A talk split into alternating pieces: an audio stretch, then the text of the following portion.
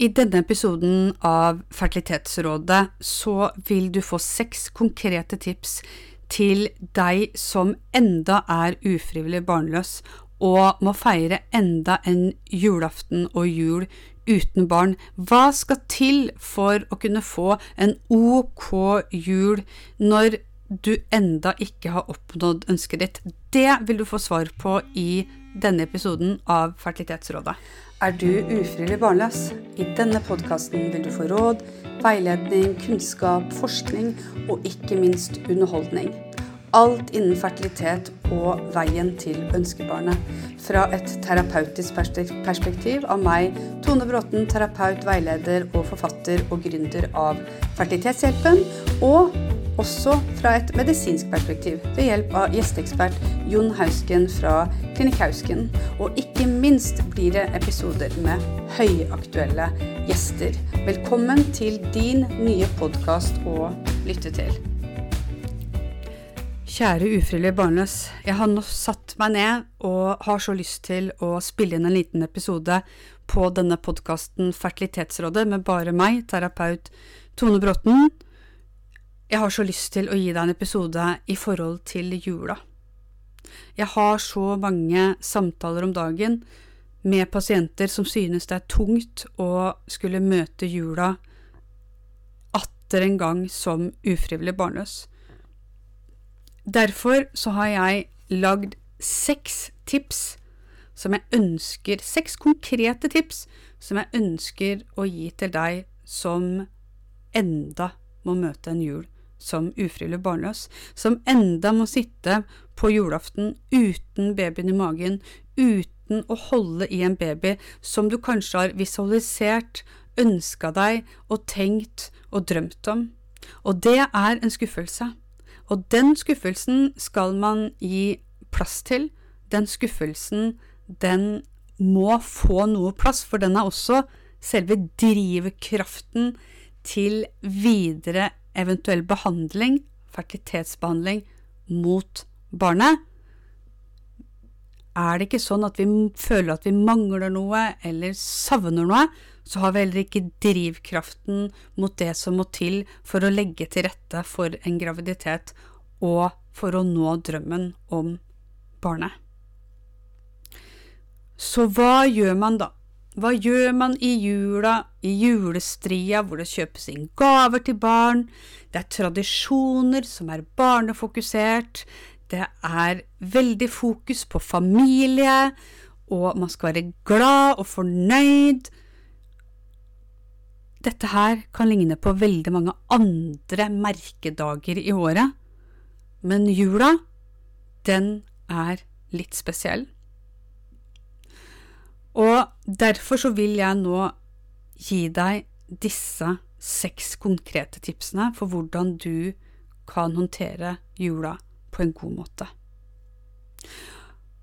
Jeg forventer ikke at du skal hoppe og være lykkelig og glad 100% etter å ha fått de tipsene, men jeg håper at etter å ha fått de her tipsene, så vil du kanskje få en bevissthet rundt hvordan du kan få en bedre jul og ha deg sjøl og egenomsorg i fokus.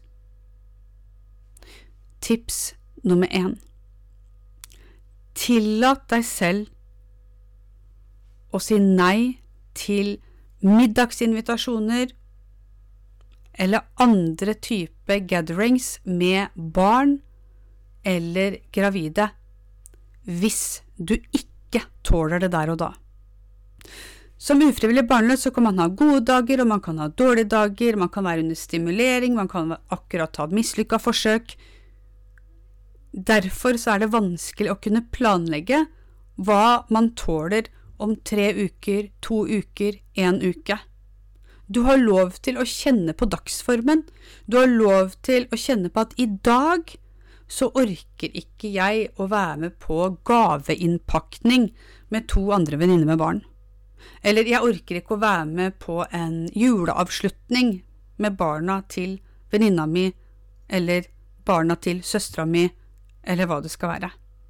Det er lov å beskytte seg sjøl, og det er lov å si nei, og også med tanke på at dette er en tidsbegrensa situasjon.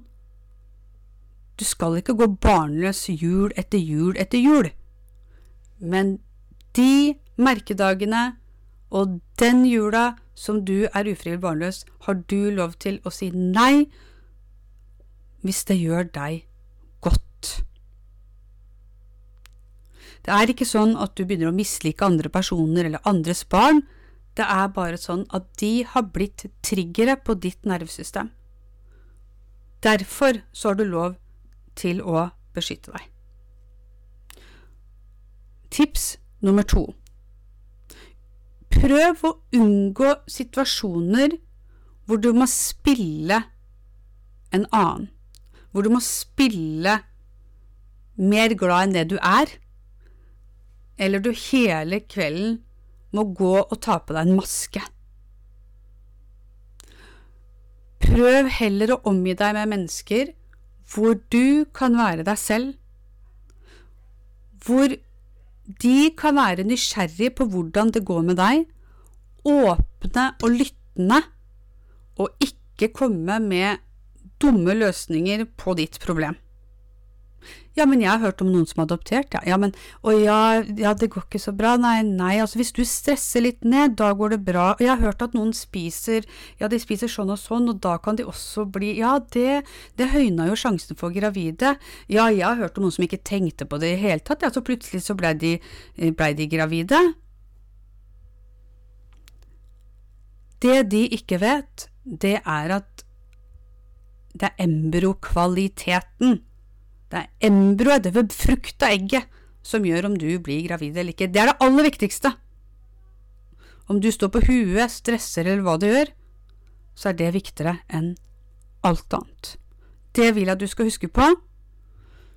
Omgi deg med mennesker som heller vil høre på hvordan du har det. Nysgjerrig på deg, og ikke blåser av med nyttige tips og råd som de på en måte ikke har kunnskap om. Tips nummer tre Forbered en one-liner. Forbered en setning som du skal si til de personer som spør om familie eller barnespørsmål som egentlig ikke du og din partner eller deg alene ønsker å få. Forbered en setning, så vil du føle deg sterkere. Hvis det er en setning som du har integrert og du kan stå for, så vet du at du ikke kan bli tatt på senga, eller at noe kommer uforutsett. Da blir det mer forutsigbart for deg. Tips nummer fire Lag egne juletradisjoner som ikke handler om barn i den tida du nå ikke har barn. Hva med en Prosecco-lunsj? Hva med en tur med en kjæreste eller venn? Hva med en filmkveld? Hva med en pysjamasaften? Lag tradisjoner som du har glede av før du får barn. Det vil komme tradisjoner med barn. Tips nummer fem Støtt deg til likemenn. Med likemenn mener jeg at du skal støtte deg til de som er i samme situasjon. Jeg mener ikke at du skal finne en random person på Instagram eller Facebook. Helst noen du kan ha en relasjon til, enten på telefon, som du skriver til, privat, altså ikke på en side eller en gruppe, men noen som du kan bygge en relasjon til, som du kan finne støtte i. Vi ønsker å føle oss normale. Vi er flokkdyr. Vi ønsker at det er andre som har det som oss. Og det er ikke for at man skal klage og få hverandre ned, men heller at man skal støtte hverandre og få hverandre opp. Tips nummer seks Lag eller kjøp en liten gave til ditt framtidige barn. Jeg veit at det kan være frustrerende å skulle kjøpe gave til andres barn, altså søsknene sine barn eller venners barn, og så vil du egentlig så inderlig kjøpe gave til ditt barn. Kjøp en gave, da. eller lag en gave, da. Legg det i en skuff, og vit at i fremtiden så skal dette barnet få denne gaven. Lag en visjon og illusjon om akkurat det. Jula, nyttår, er tida for mirakler. Og mirakel, det er faktisk når et befrukta egg klamrer seg til hinna, hinna kapsler seg rundt, og det utvikler seg til et barn. Den delen av prosessen, uansett om man tar IVF eller om man får barn på naturlig måte, så er det enda et mirakel at dette embryoet, dette perfekte embryoet, fester seg og utvikler seg til ditt fremtidige barn. Så i jula så er det lov håpe, tro og ønske at dette mirakel skal skje i 2023, og at 2023 blir det året hvor du skal lykkes.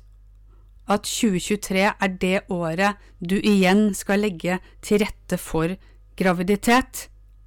For det er det eneste du kan gjøre. Denne jula så vil jeg at du skal takke deg sjøl, klappe deg sjøl på skulderen, kjøpe den dyreste, fineste, flotteste gaven til deg sjøl fordi du har klart å stå i måned etter måned etter måned i et ønske som ennå ikke er oppfylt. Du har lov til å feire deg sjøl for hva du klarer, og hva kroppen din klarer, og så krysser vi fingre, håper, tror og ønsker i 2023, og legg den største, fineste, flotteste gaven under treet til deg sjøl.